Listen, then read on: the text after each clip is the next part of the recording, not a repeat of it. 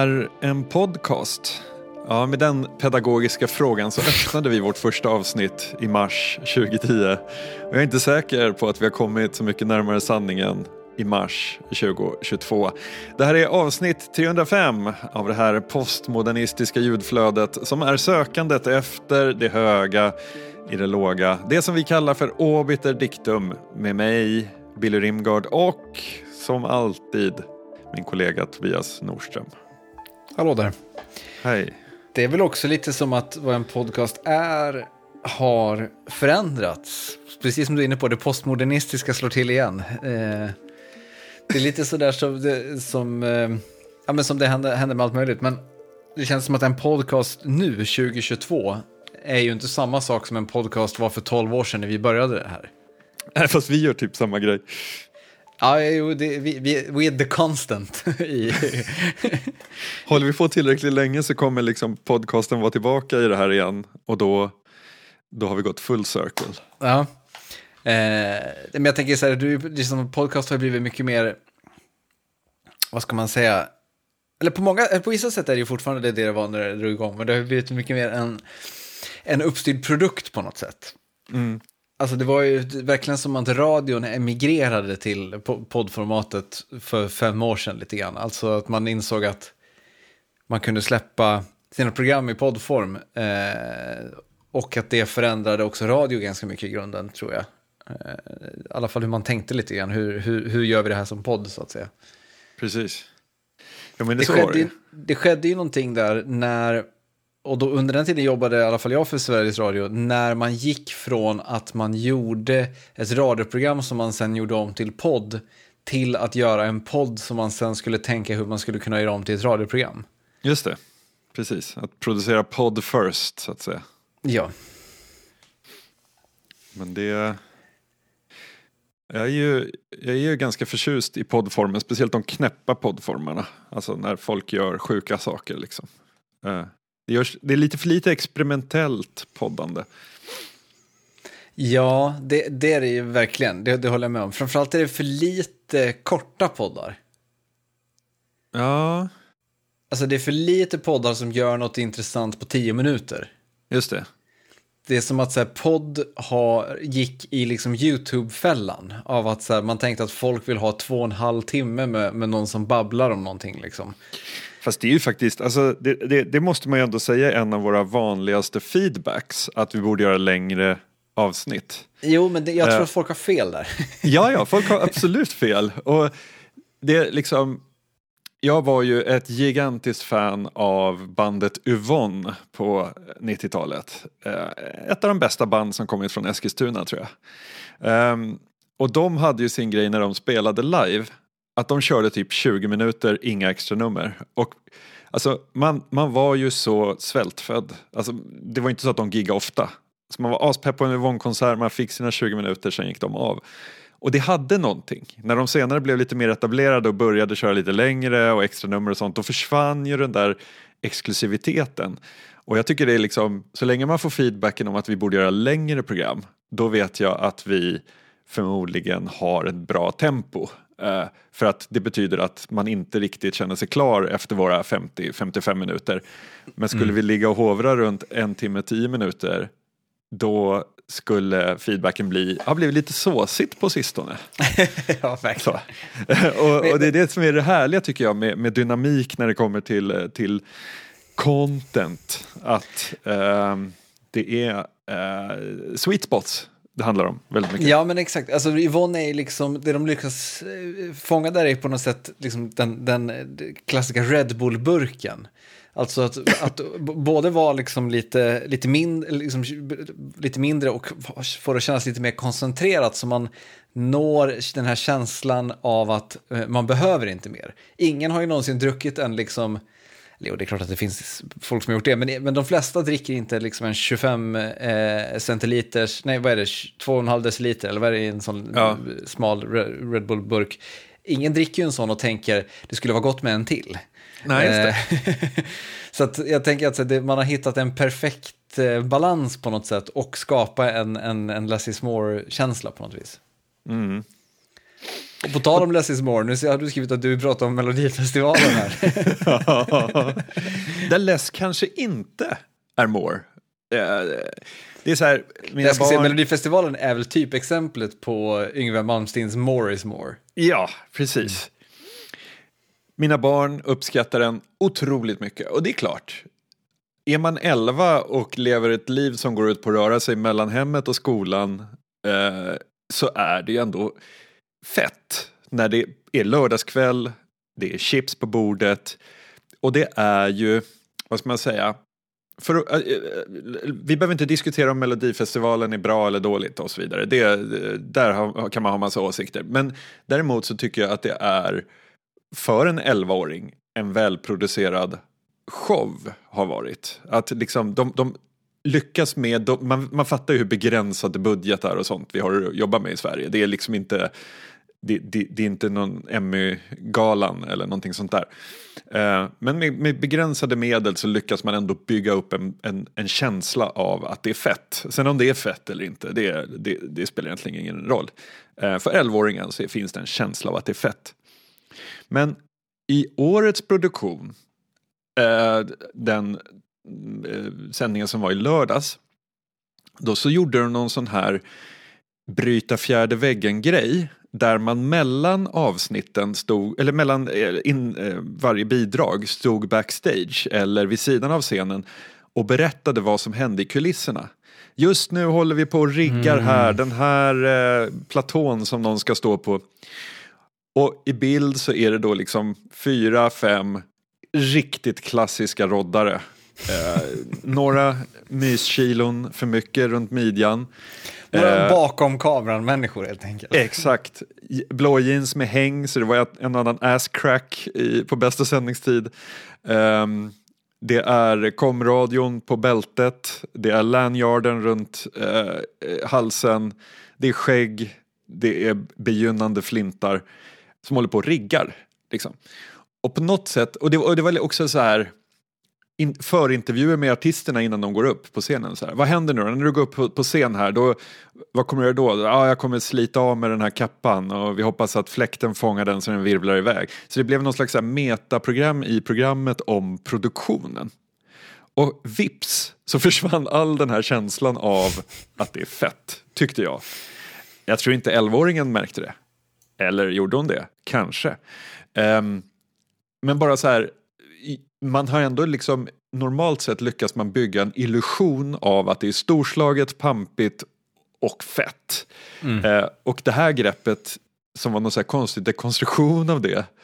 Eh, det var en sån, jag förstår varför i filmvärlden finns liksom en regel av att aldrig bryta fjärde väggen. Eh, sen finns det de som har lekt med det på ett bra sätt. Eh, men jag fattar. det här var en jo, men, lektion. Men, även, men även då så bryter de ju inte, i film oftast då, bryter de ju inte vägg, fjärde väggen på riktigt. Utan de, gör ju, de visar ju då en fejkad film, äh, set in, alltså förstår du vad jag menar? Man visar ju inte upp det, det, den långa väntan och det som liksom är en filminspelning på riktigt så att säga. Just det, just det. Utan man liksom visar, man zoomar ut lite grann och visar att man är på en set. Eh, men det är ju inte det som är en filminspelning egentligen. Men jag tänker, det, det, en, en annan liknelse som är klassisk, jag kommer inte ihåg vem det sa det, men det var någon magiker som, som sa det att det liksom största, det viktigaste när man är magiker, det är att aldrig berätta hur man gör. Mm. Eh, för grejen är på något sätt att här, när man gör ett magic trick för någon, oavsett om det är med kort eller vad det än är, så länge personen inte vet hur det går till så kommer personen vara förundrad. Men det är, eftersom att det inte är magi involverat så kommer det aldrig vara häftigt att få reda på hur det går till. Nej. Det kommer vara jättehäftigt att inte förstå hur, hur det går till. Men det kommer aldrig vara häftigt att veta hur det går till. Just det. Jag tänker att det är samma med Melodifestivalen, eh, för, i alla fall om man är 11 år gammal. Att det är liksom, så länge allting går enligt plan så är det häftigt. Men så, men så fort man vet att vad planen är så är det inte längre häftigt på något sätt. Nej. Det påminner mig om när liksom man satt i sina tonår och lyssnade på så Afix Twin och eh, Orbital och sånt och var Future Sound of London och sådana band eh, och var sådär man kunde inte begripa hur vad, vilken planet kommer det här ifrån? Hur kan det här ske? Vad är det här? Så. Sen i takt med att man själv började skaffa lite musikprylar och sånt så har ju, det, det är väldigt mycket likt vid att lära sig magitrick. Att det är väldigt sällan man hör någonting nu som man inte kan dekonstruera i sitt, sitt huvud. Ja, där har de lagt en pad och där en ploppbas. Och, ja, men, alltså man, man hör så. Och man skulle förmodligen kunna replikera det själv. Mm. Men de där kickarna kommer ju ändå när man hör en Tim Hecker eller Keith Fullerton Whitman eller någon sån där och man inte har, alltså jag kan lyssna på det och verkligen inte ha en enda susning. Det är helt omöjligt att börja beskriva hur de har gjort de där ljuden. Liksom. Mm. Då, då kommer ju den där kicken för att det är något, det är något mystiskt och eh, så. Eh, så ja, Men Ja. eh, vad synd, synd för Melodifestivalen att de, att de dödade det. ja. Klart i natt. Melodifestivalen död. Japp. Eh, vi fick ett meddelande på Facebook som jag eh, reagerade lite på. Eh, Vad skönt att jag inte är, jag är ju inte på Facebook längre så jag kan ju, jag duckar det här, vad som än sägs så sker det Ja. på ett forum där jag inte, Du får det via mig istället, jag är någon slags eh, eh, mellanhand här. Vad heter det, vi är ju sämst i världen på att svara på lyssnarinteraktion. Eh, En ursäkt är väl kanske på sin plats, men det är vad det är. det är take it or leave it. Eh, men jag vet inte om personen vill vara anonym. Eh, eller i och för sig, skriver man det på Facebook så är det väl öppet. Eh, Någon som heter Lo skriver så här. Lyssnade på förekommen anledning om avsnittet eh, den, det svenska bunkerundret igår. Ni fnissar åt hela konceptet, citat, hoten från ryssen, slutcitat, och att Björklund envisas med att Gotland är en strategiskt viktig position i Östersjön. Det var tid i det.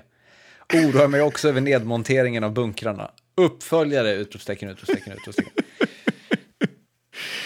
ja, jag, jag blev faktiskt pingad på Instagram någon som eh, liksom tyckte att det var dags att ta fram bunkerundret merch nu när den är på tapeten igen, diskussionen om våra skyddsrum.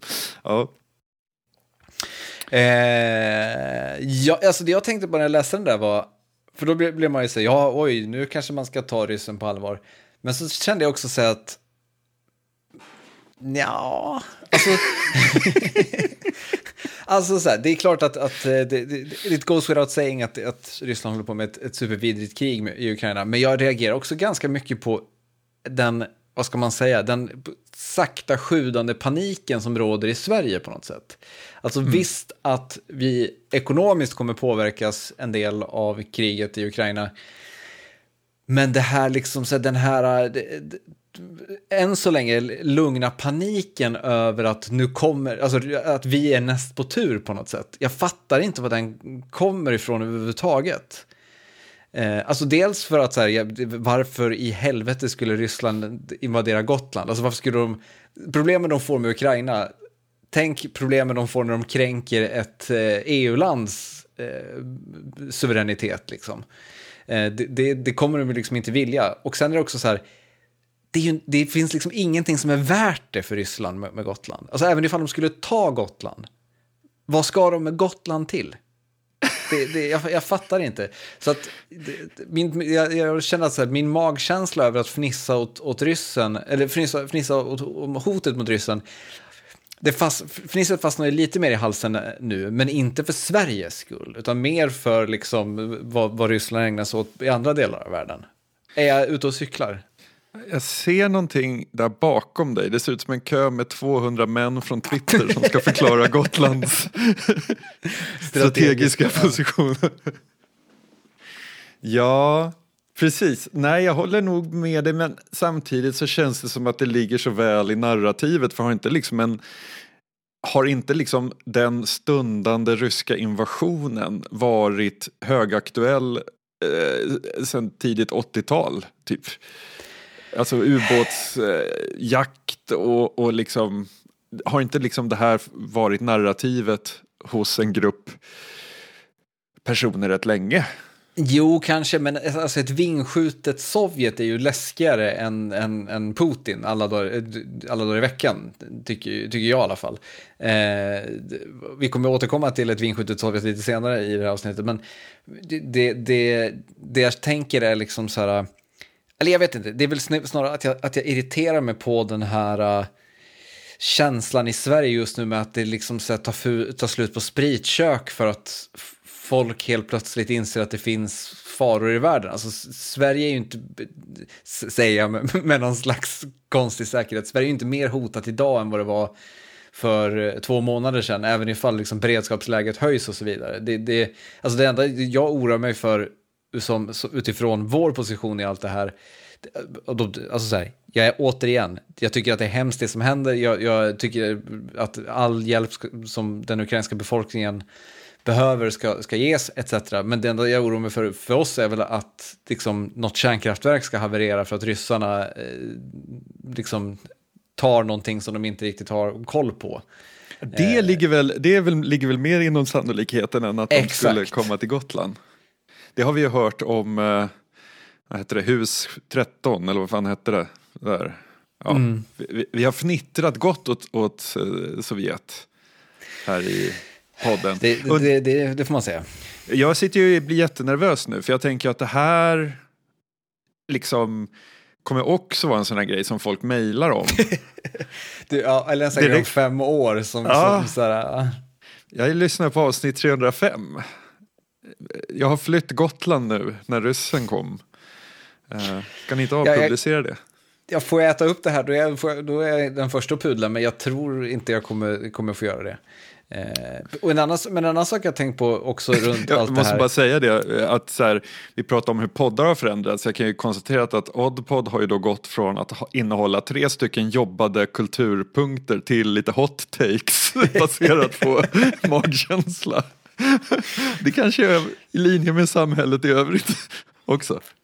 Vi är, liksom sagt, do more with less är väl det, det vi har rört oss mot. Um, men en annan sak som har slagit mig, för, eh, nu har jag liksom pissat lite åt Rysslands håll, då kan jag väl pissa lite åt, åt västhåll igen, eh, också för, för att hålla det här public service-vänligt. Men det, det, det, är också många av de här sanktionerna som är, alltså som jag bara tycker känns som konstigt hittepå på något sätt. Det är liksom som att så här, någon slags gammal den gamla världens eh, sanktionspolitik möter cancelkulturen på något sätt i de här sanktionerna. Jag, är, jag är, tycker att det på många sätt är en bra idé med ekonomiska sanktioner, men det blir ju så här konstigt när eh, EA, alltså Electronic Arts, stolt deklarerar att nu har vi tagit bort alla ryska lag ur Fifa ja. Jag är så här, vem straffas av det här? Alltså, vem, vem sätter ni åt nu? För, förutom någon som inte kan spela med ryska spelare liksom. Ja. Precis, den är lite, lite tandlös, får man väl säga. Ja, men det blir liksom någon slags konstig eh, signalering bara för någonting som egentligen inte påverkar någonting. Alltså ska man göra sanktioner Alltså det, det, är just någonting med de här, liksom, vad ska man säga, kulturella sanktionerna så, som är bara konstiga. Det, det pratades ju om att Disney-filmen Anastasia, som väl handlar om den sista tsardottern, Anastasia tror jag, eh, togs bort från Disney+. Sen visade det sig att det var ju någon, någon rättighetsgrej, men, men Alltså den typen av cancelleringsmetodik som man har jobbat med, att det blandas in i det här känns bara märkligt på något vis. Fast jag, kan, jag kan gilla att det är liksom, vad ska man säga, den globaliserade världens svar på eh, du puttade in henne i korridorsväggen så nu bjuder inte jag dig på mitt kalas. Eh, att, att det liksom ändå finns någonting härligt i att eh, så här, eh, att, att man läxar upp, alltså så här, om nationsstater är personer mm. Eh, så är det här liksom det, det, eh, gruppens sätt att säga det här är inte okej. Okay. Uh. Jo, jo men, men det är väl de ekonomiska sanktionerna. Att, att ta bort ja. lager Fifa, det säger väl ingenting om att något inte är okej. Okay. Nej. Jag menar, så det, det, ett talande exempel var väl, eh, om, som jag hörde om häromveckan, i USA där massa då godhjärtade amerikaner har fått för sig att de ska bojkotta rysk vodka. Eh, som Smirnoff och annat. Och så visar det sig att alla de här ryska vodkamärkena eh, vad heter det, är USA-ägda vid det här laget och eh, görs i USA. Så man bojkottar ju inte någon, några ryssar överhuvudtaget i, i längden. Så det, det, det, känns som att det är mycket sånt som, som pågår i allt det här på något vis. Och sen ser det väl också så här att Alltså jag vet inte, jag, jag bottnar ju inte. Men om man tänker på hur... Nej, jag bottnar inte heller, men nu, nu, nu scrollar jag så gott jag kan här i mitt ja, ja, ja, okay. Nej, men alltså grejen är så här att eh, något som kan vara problematiskt, det är ju liksom att eh, det är ju inte hundra procent av Rysslands befolkning som står bakom eh, invasionen. Och tryck, trycker man dit alla för hårt så blir det lite som när man skulle trycka till Tyskland efter första världskriget. Vilket skapade liksom en enorm nationalistisk ådra för man hatar de där jävla fransoserna som skulle trycka åt den liksom med massa Verkligen. sanktioner och sånt. Så att det, jag vet inte hur. Men jag tycker det läskigaste i allt det här, alltså om vi bara pratar sanktioner och, och liksom den biten, kriget är ju såklart läskigast. Det är så här, eh, är det okej okay att företag som Visa, Mastercard, Apple Pay, Google Pay, alla de här lite godtyckligt bara kan kapa ett land? Så här, nej, hej alla Apple Pay-användare, nu får inte ni använda det längre. Vad menar du med okej, okay, alltså menar du moraliskt eller vad? vad ja, men vad om, vi nu, om vi nu är i övergången till ett, det kontantlösa samhället och sätter vår tilltro till olika elektroniska sätt att sköta de betalningarna. Mm. Um, men inte det här är en del av liksom den liberala, liberala eh, demokratins kapitalistiska utbredning att säga att du, du är med i det här, den här ordningen och då får du ta del av Apple Pay. Men så fort du liksom bryter mot den ordningen, då är du inte med i Apple Pay längre. Jo, men jag tänker om, om man bara så här, om, om vi tycker att det är okej att företag fattar den här typen av beslut. Um, jag menar, tänk, ponera så här, uh, av någon anledning, av miljöanledningar kanske, miljöskäl, så, så lägger Sverige på en enorm tull på alla Apple-produkter, alla mobiltelefoner för att det är så här det, det är piss för miljön att de tillverkas. Eh, kan då Apple hämnas genom att säga okej, okay, men då stänger vi av Apple Pay för er? Och sen så är det massa folk som liksom inte kan betala sina räkningar typ. Så kan det väl bli, ja. Men, men det är, alltså, återigen, det är väl den här, det är väl kapitalistbåten vi har satt oss i på något sätt. Ja. Eh, och jag menar så här, det, det är väl också så här, man ska ju inte lita på de här företagen, tänker jag. För jag menar, det, det, det, Kina har ju brutit mot mänskliga rättigheter och annat i, i, många, många år. Och där, där är det ju inte snack om någon bojkott och så vidare. Det är, det är också lätt för de här företagen att ta sin hand från Ryssland i det här läget. Och det blir ju snarare en situation där så här, man, de måste göra det. Just det. Att, om inte, när liksom Visa, Mastercard och alla de andra har gjort det, då kan inte Apple Pay stå kvar ensam och bara, nej men vi kör på. då, då har man istället en PR-mardröm på sina händer. Ja, jag bara konstaterar att så här, man tar väldigt mycket eh, nätbaserade tjänster för givet.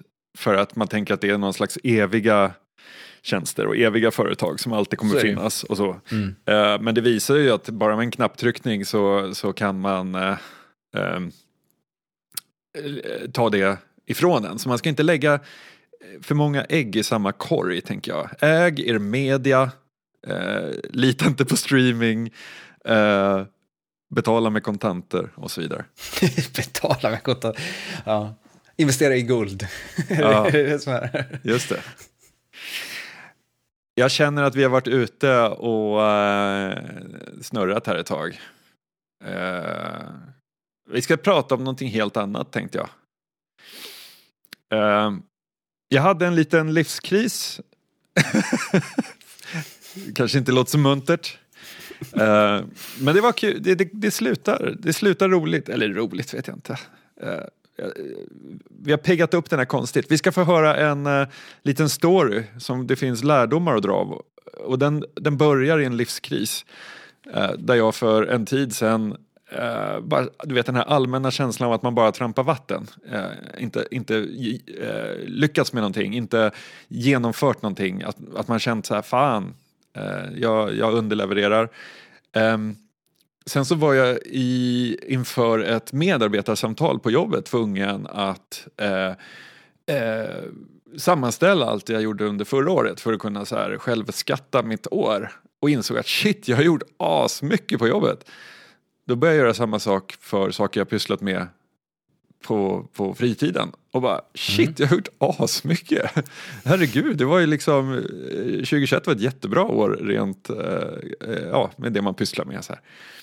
Ehm, kort därpå så läste jag en Wikipedia-sida. Jag bara kände så här, det här självtvivlet eller självhatet som man kanske bär på är egentligen rätt onödigt. För det finns folk som är så otroligt mycket sämre än vad man själv är. Och det är den... Det, det, Klen tröst ändå, tycker jag låter som. det Eller? är, en jättetrö- det är en jättestor tröst, den är helt fantastisk. Och jag- Okej. tänkte så här, vi ska höra lite hur det gick för en, en, en kille som heter Lee Yoon.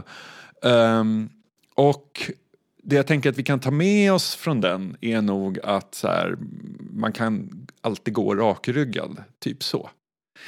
Ehm, Sydkorea 1987. I Seoul så är det en byggnadsboom för staden ska bli fin inför OS 1988.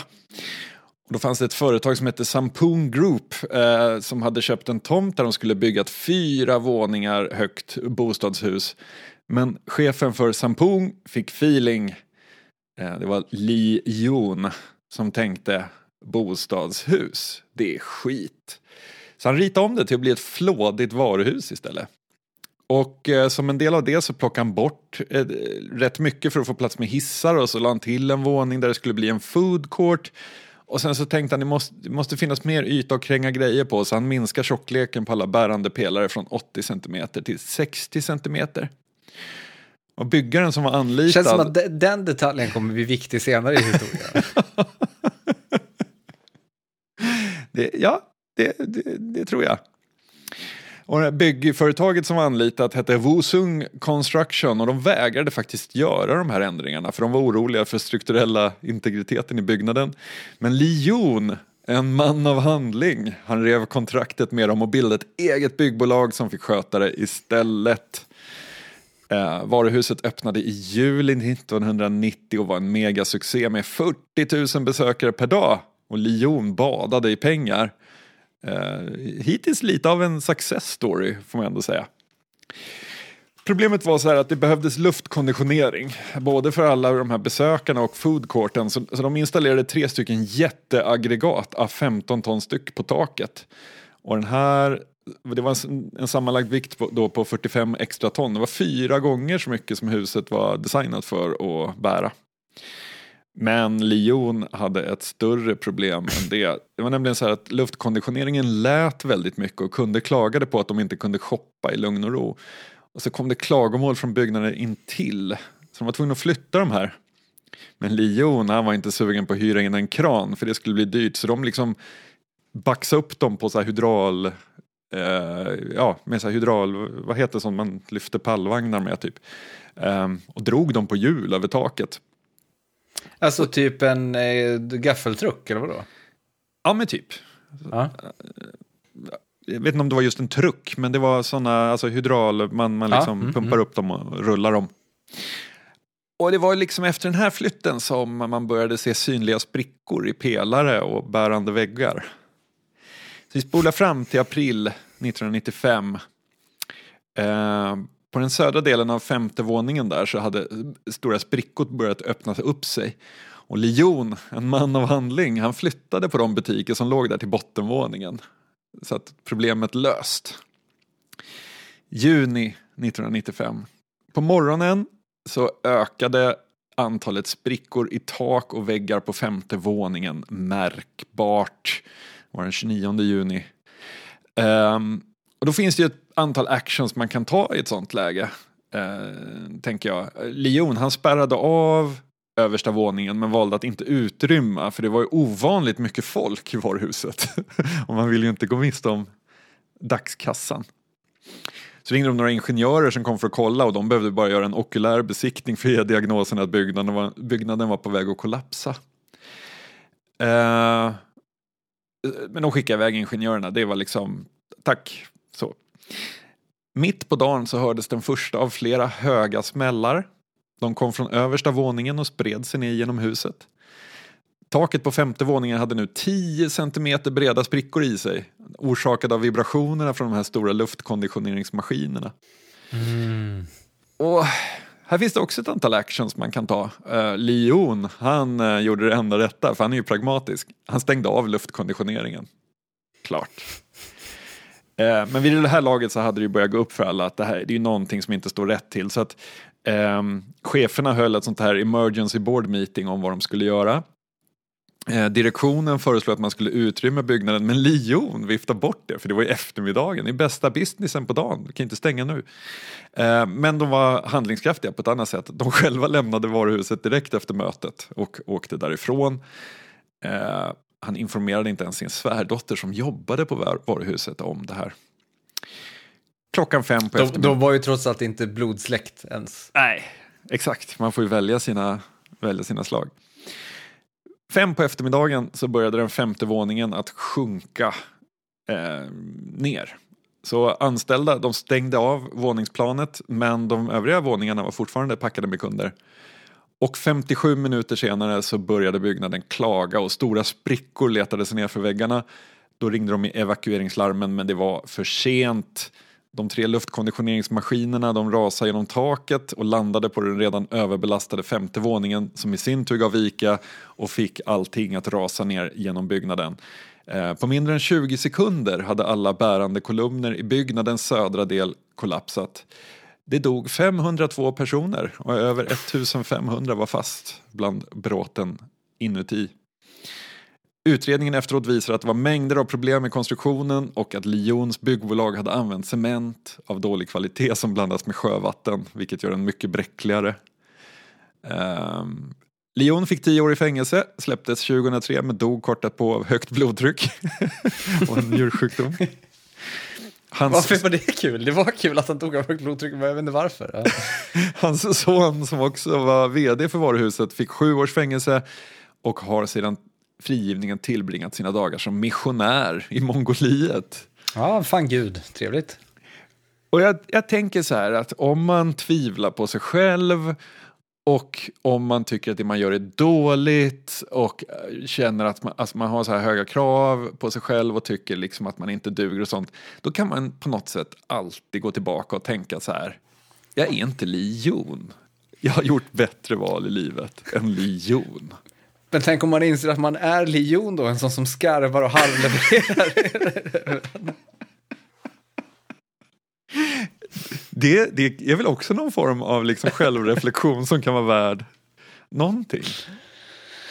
Ja, jag vet det, och det här fick dig alltså att må bättre i din personliga kris?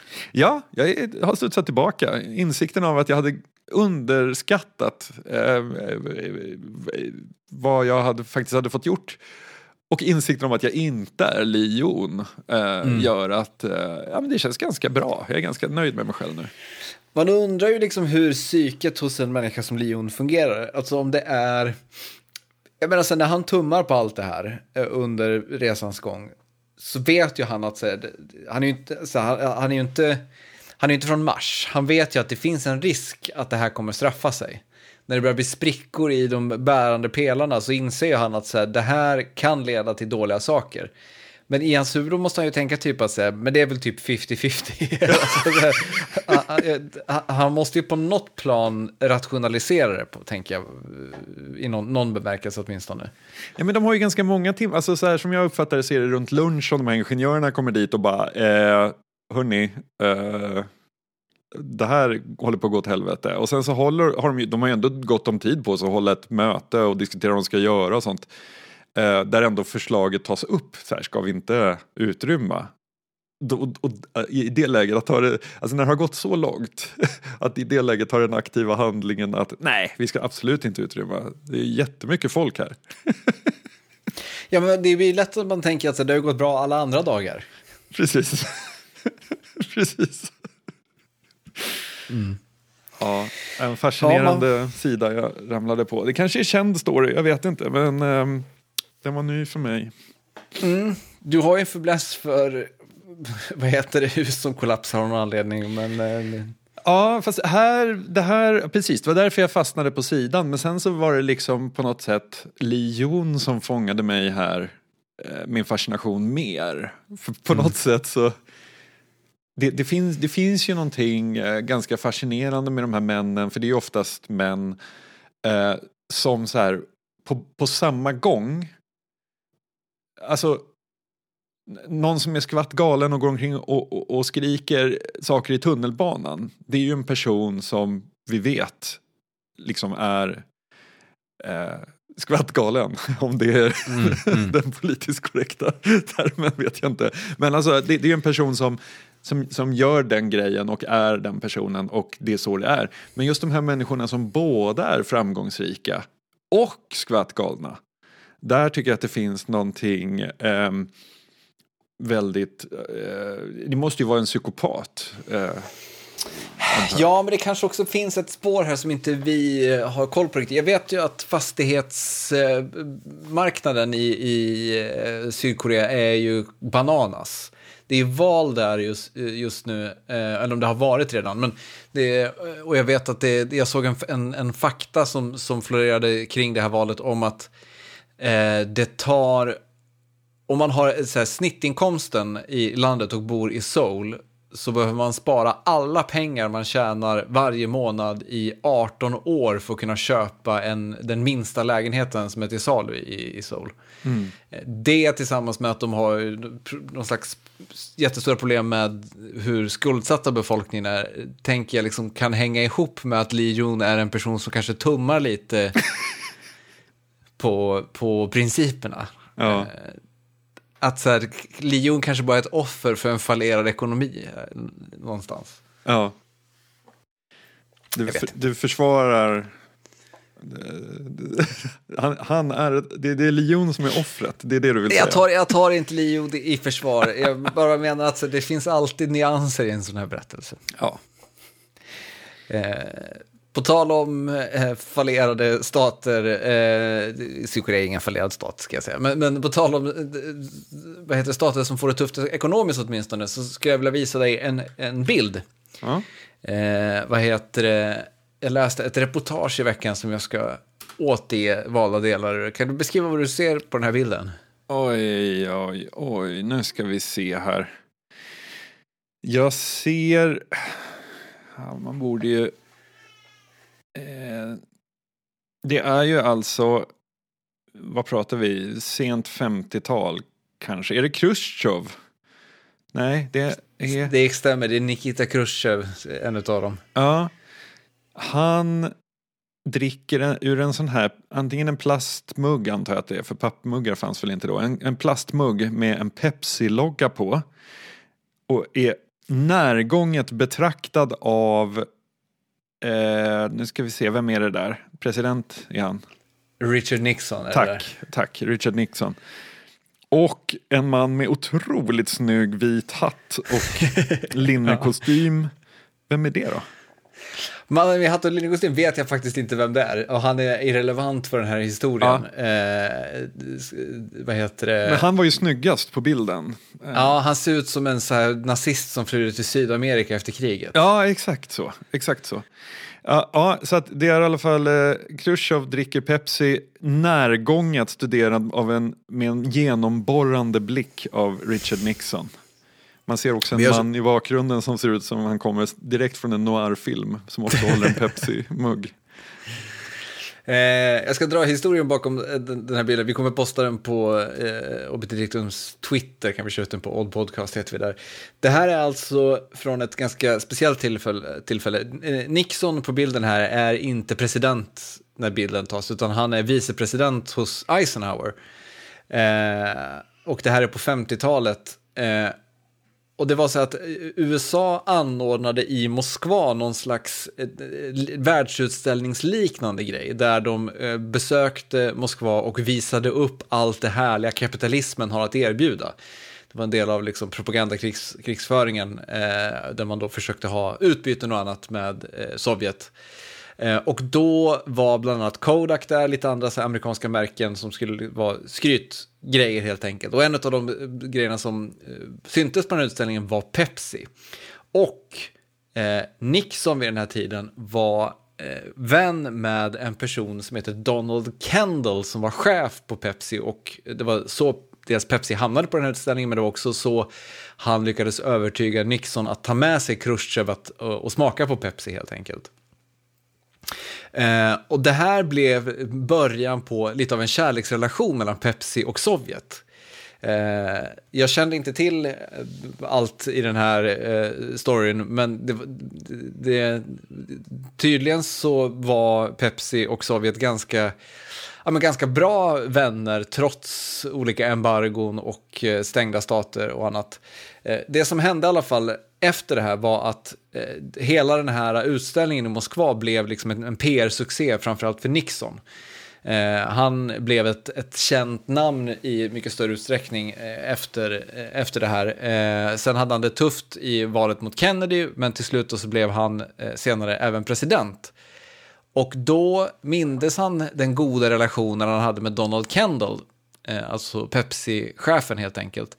Så i olika då, eh, diskussioner och handelssammanträden och annat med Sovjet så dök Pepsi helt plötsligt upp.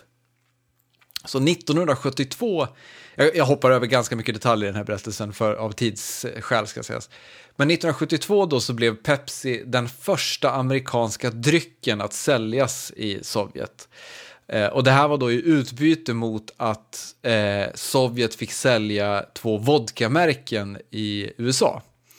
Eh, och det här sågs ju av Donald Kendall som en jättevinst, för här var man ju liksom exklusiva. I, i USA fick man ju tampas med Coca-Cola, men på den sovjetiska marknaden där hade man mer eller mindre eh, monopol på eh, koladrycker.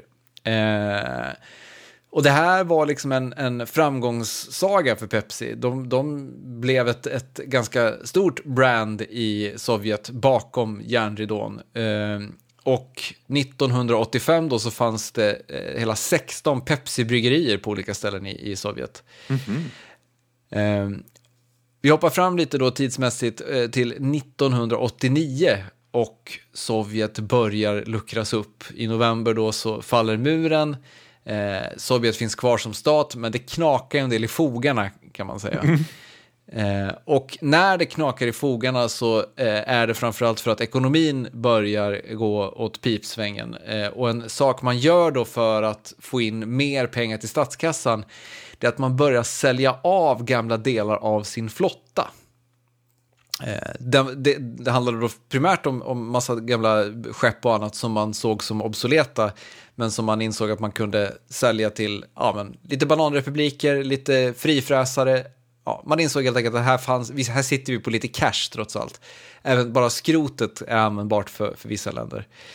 Eh, och under i den här vevan då när det sovjetiska folket ville ha sin Pepsi så insåg man ju att fan, vi har inga pengar att, att köpa Pepsi för från den sovjetiska sidan. Eh, men vänta, vi kan betala med stridsskepp. Så, eh, och Pepsi var ju då intresserad av att fortsätta expandera på den sovjetiska marknaden. Och i den här vevan var man även sugen på att öppna fler Pizza Hut-restauranger. För Pepsi då äger även Pizza Hut, visste, visste faktiskt inte jag om när jag läste det här. Um, så man gjorde helt enkelt en deal där man fick en del av eh, betalningen, eh, Pepsi, en del av betalningen Pepsi fick var ett antal eh, gamla sovjetiska stridsskepp vilket ledde till att under några månader 1989 så hade Pepsi tekniskt sett världens sjätte största flotta. Med 17 ubåtar, en pansarkryssare, en frigatt och en jagare. eh, det ska tilläggas då att allt det här, det, vad heter det, den här flottan var ju mer eller mindre skräp. De, de, det var egentligen bara att Pepsi hade samtidigt gjort en deal med en eh, norsk eh, ja, jag vet inte vad man kallar det, men motsatsen till en, en bilskrot fast för båtar då, som de bara skulle sälja av det här, de här skeppen för, eh, ja, för skrot helt enkelt, för återvinning. Men jag gillar ändå tanken på att Pepsi, liksom, det är någonting Coca-Cola inte har, en, en, en egen flottilj. Liksom. Jag gillar just att det var 18 ubåtar, det är, det är ju en spetsig... 17 ubåtar, 17. men ja, det, ja, ja det, det, det, är liksom inte bara, det är inte 17 så här små, små eh, ytfartyg och sen en ubåt, utan det är 17 ubåtar. Det...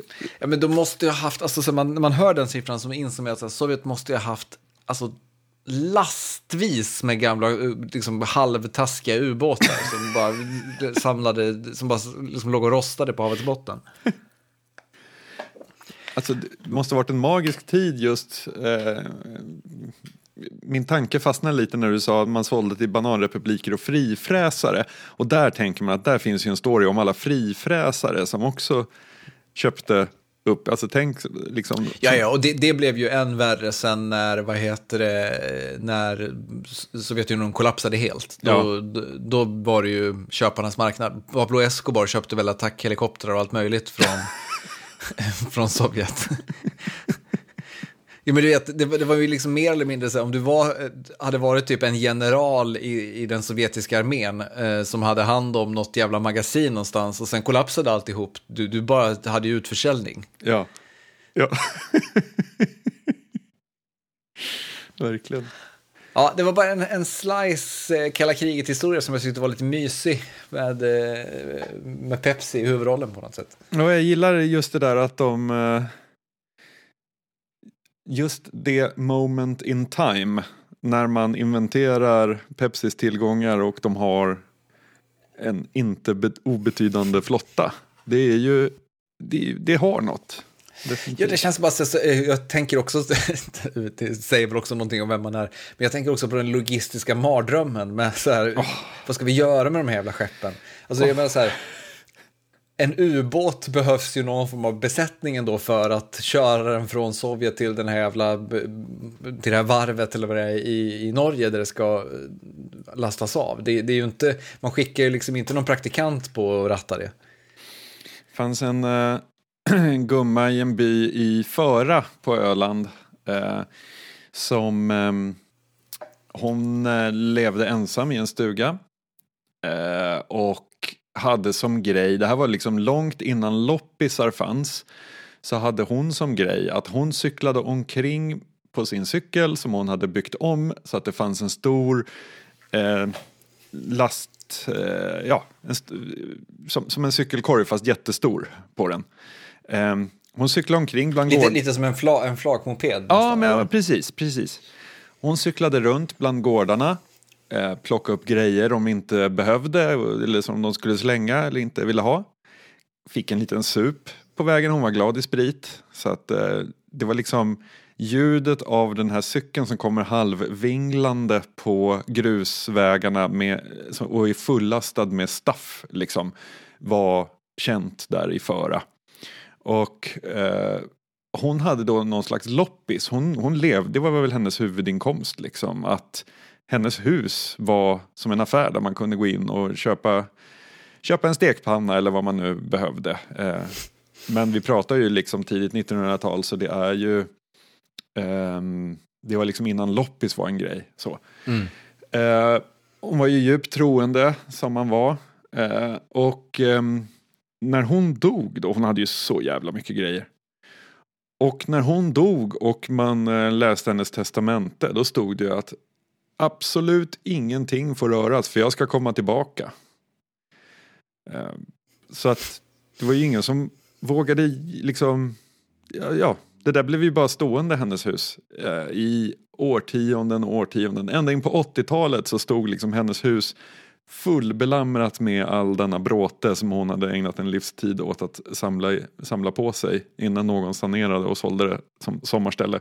Eh, men apropå logistisk mardröm så är ju det liksom Även en sån situation bleknar ju, ju i jämförelse med att frakta 17 ubåtar.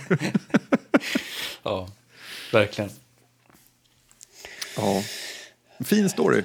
Ja. Ja, Eh, Noir-cirkeln. Mm. Noir-cirkeln har nått fram till film nummer fem? Fyra? Fem? Fyra. Fyra. Eh, vi har betat av 16 filmer vid det här laget. Och jag så framme vid Sweet Smell of Success från 1957. Och jag ska direkt, eftersom, eftersom eh, John T. Chance hörde av sig eh, med en liten kommuniké förra gången. Eh, så kan jag bara off the bat säga att det här var jävlar i mig noir. Jag, ty ja, jag tyckte den här var otrolig. Alltså Ja. kanske bästa vi har sett Ja, hittills. det var kul att du tycker det. Jag tycker också det. Den var helt, helt grym. Den, den hade... Det- det- ja. Det, det, som åldra, det enda som har åldrats dåligt i den här filmen, det är ju hur mycket makt en person, en kolumnist har. ja, exakt, exakt.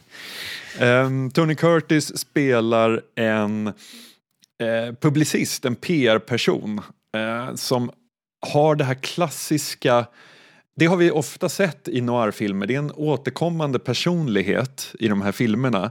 En person som har tagit på sig kanske en lite för stor kostym, som vill vara lite mer än han är, som gör sitt bästa för att tränga sig på i de här coola grabbarnas värld, men inte riktigt lyckas, kan man väl säga. Eh. Mm.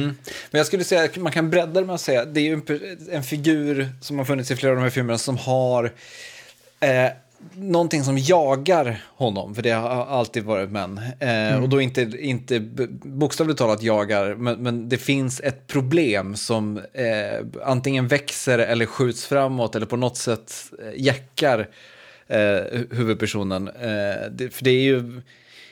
Ja, det är ju en, en härjad man det här. Ja, Sidney Falco eh, heter han. Och jag menar, så här, ett typexempel, det sätts ju ganska tidigt i filmen när han ska ut på stan och hans typ sekreterare eller assistent eh, säger ska du inte ha med dig din rock? Och han säger va?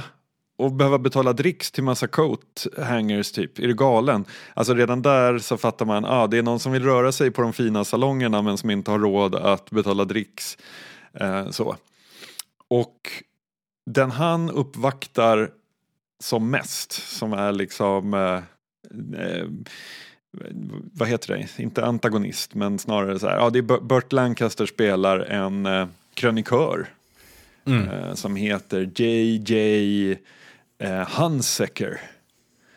Ehm, och det här är ju på tiden när en, eh, en eh, krönikör och liksom kolumnist var en otroligt mäktig person som med sitt, sitt ja, all, alla ville ha hans gunst för att eh, man ville att han skulle skriva ett enda ord om ens klient. Typ.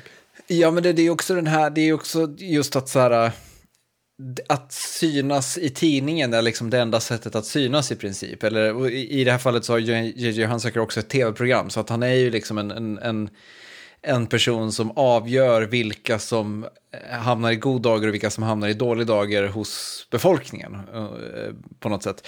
Men en sak som jag tycker är kul är att den här film, handlingen i den här filmen skulle kunna, skulle kunna, man skulle kunna beskriva den som om det är en, romcom. Ja. Det handlar liksom om en tidningsman och hans eh, syster. Och hans syster är kär i en jazzmusiker och tidningsmannen eh, måste eh, vä- vända ut och in på sig själv för att eh, få henne att inse att hon inte borde vara ihop med den här, eh, vad heter det, jazzmusikern. Alltså det låter ju som en så här liksom 90-tals romcom på något sätt. ja, Men det, men det är en otroligt mörk historia. det är så mörkt. Och grejen är att det finns någonting i, i hela tempot och miljöerna och den här eh, Det är något, någon scen där han, kolumnisten, stannar upp och tittar på det är utanför någon krog där i New York så är det en eh, street brawl, en klassisk liksom knytnävesfight. Och han bara ler och säger I love this dirty city. Typ. det, det, här är nog, det, det, det här är ren porr när det kommer till någon slags eh, Moraliskt förfall. moraliskt förfall, urban misär, eh, natten i en storstad. Liksom alla de eh, olika typer som rör sig i den. De tjocka snutarna som är, är kompisar med kolumnisten och tipsar. Och, ja, men det är bara så här. Och dessutom då en inte oväsentlig del riktigt svettig fusionjazz ovanpå det. Men en, en sak som jag tycker är det kanske starkaste med den här filmen, det är att nästan alla karaktärer är, eh, utom möjligtvis eh, JJ Hunsakers syster då, Susan Hunsaker, så är nästan alla eh, vidriga. Ja, ja, ja. ja. Alltså jag tänker ganska mycket på, eh, det, det, känns som att eh, LA Confidential, det manuset är väldigt influerat av hur eh, alla huvudpersoner är i den här filmen. För jag menar, noir är ju fylld av cyniska karaktärer. Men jag skulle säga att de karaktärerna i den här filmen är alltså de mest cyniska vi har sett. Ja. För att de liksom så här äh, drivs av ja, men så mycket girighet, så mycket eh, fåfänga, så mycket liksom bara eh, egen egoism och, och egen, eh, egna, egna intressen. Att det liksom är Ja, men de, filmen lyckas verkligen sälja det här med att de är beredda att göra vad som helst eh, på, på ett väldigt, väldigt eh, effektivt sätt. Alltså det finns en scen som, jag vet inte om den såg som liksom lika hemskt då som den, den gör, görs idag, men där eh, Sidney Falco, alltså då Tony Curtis karaktär, har stämt träff med en tjej som jobbar som servitör på, på ett ställe hemma hos sig eh, på natten. Eh, men sen så händer en massa saker och han träffar en annan kolumnist som han inser att jag kan få den här kolumnisten att göra vad jag vill om jag eh, fixar en tjej till honom. Så tjejen då han har stämt träff med hemma hos sig använder han då som liksom så här, och liksom gaslightar henne så att hon ska hooka upp med den här kolumnisten istället. Och det är liksom så här, alltså så vidrigt hur han behandlar henne och hur han liksom manipulerar eh, folk i, i, det här, eh, i det här utbytet. Så att det liksom är, som sagt, det, det, det, det såg säkert som liksom moraliskt förkastligt då, men nu är det ju liksom, det är ju eh, superhemskt på, på något sätt. Mm. Just det liksom psykologiska spelet tycker jag funkar, funkar oerhört bra i att så här, eh, göra Sidney Falco till en, en, en, en, en vidrig filur. Liksom.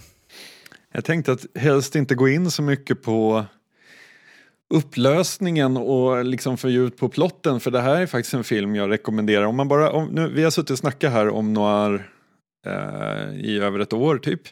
Eh, om man verkligen bara vill, vill götta ner sig och se en film av de vi har sett hittills så tycker jag att det är den här. Det är nästan en rekommendation på att se Sweet Smell of Success. Eller vad säger du? Ja, men verkligen. Men sen också tycker jag att Alltså en sak som har varit återkommande i flera av noir-filmerna är ju en, en ganska invecklad handling som ofta känns invecklad för sakens skull. Alltså mm. det typ att man, antingen att man liksom inte har haft någon som har redaktörat manuset tillräckligt hårt eller att man bara vill ha mycket twists och mycket villospår och annat. Och handlingen är ganska liksom, eh, inte invecklad men, men eh, snårig här med. Men det känns väldigt mycket hela tiden för, för, som att det tjänar handlingens bästa på något sätt. Mm. Alltså det, det, det, eh, det höjer snarare än att det skälper någonting att det är de twists and turnsen som det är i, i händelseutvecklingen. Mm. Verkligen. Nej, mycket bra. Mycket bra. Och det, det var någonting med, med, med tempot och, och miljöerna och allt sånt som också checkade alla boxar för mig på något vis. Det var, ja. Mm, kul. Eh, och med det så rör vi oss in på topp tre i Jonty Chans eh, noir-lista. Eh, och det här är också en goding. Den här har jag sett förut, men, men jag ser jättemycket fram emot att se om den. Det är den andra Orson Welles-filmen vi ser i Noir-cirkeln. Mm. Den, den förra var eh, The Lady from Shanghai, heter den va? Ja, The Lady from Shanghai. Eh, eh, och till nästa gång då så ser vi Touch of Evil, eller på svenska En djävulsk fälla. Mm. Från 1958, eh, gjord av Orson Welles. Eh, jag vill, jag vill säga, säga, saker redan nu om den här filmen, men jag tänker jag håller mig till, till nästa gång. Spännande. Kul! Mm. Men eh, vi har ju eh, vi har ju svurit att inte bryta eh, tidsgränsen här. Att lämna medan det fortfarande finns någonting att ösa ur. Så att lyssnaren lämnas med en känsla av tomhet, en längtan efter mer och kanske ett återseende om två veckor helt enkelt. Förhoppningsvis. Mm. Tack för att du eh, lyssnar. Vi hörs om två veckor. Ha det bra.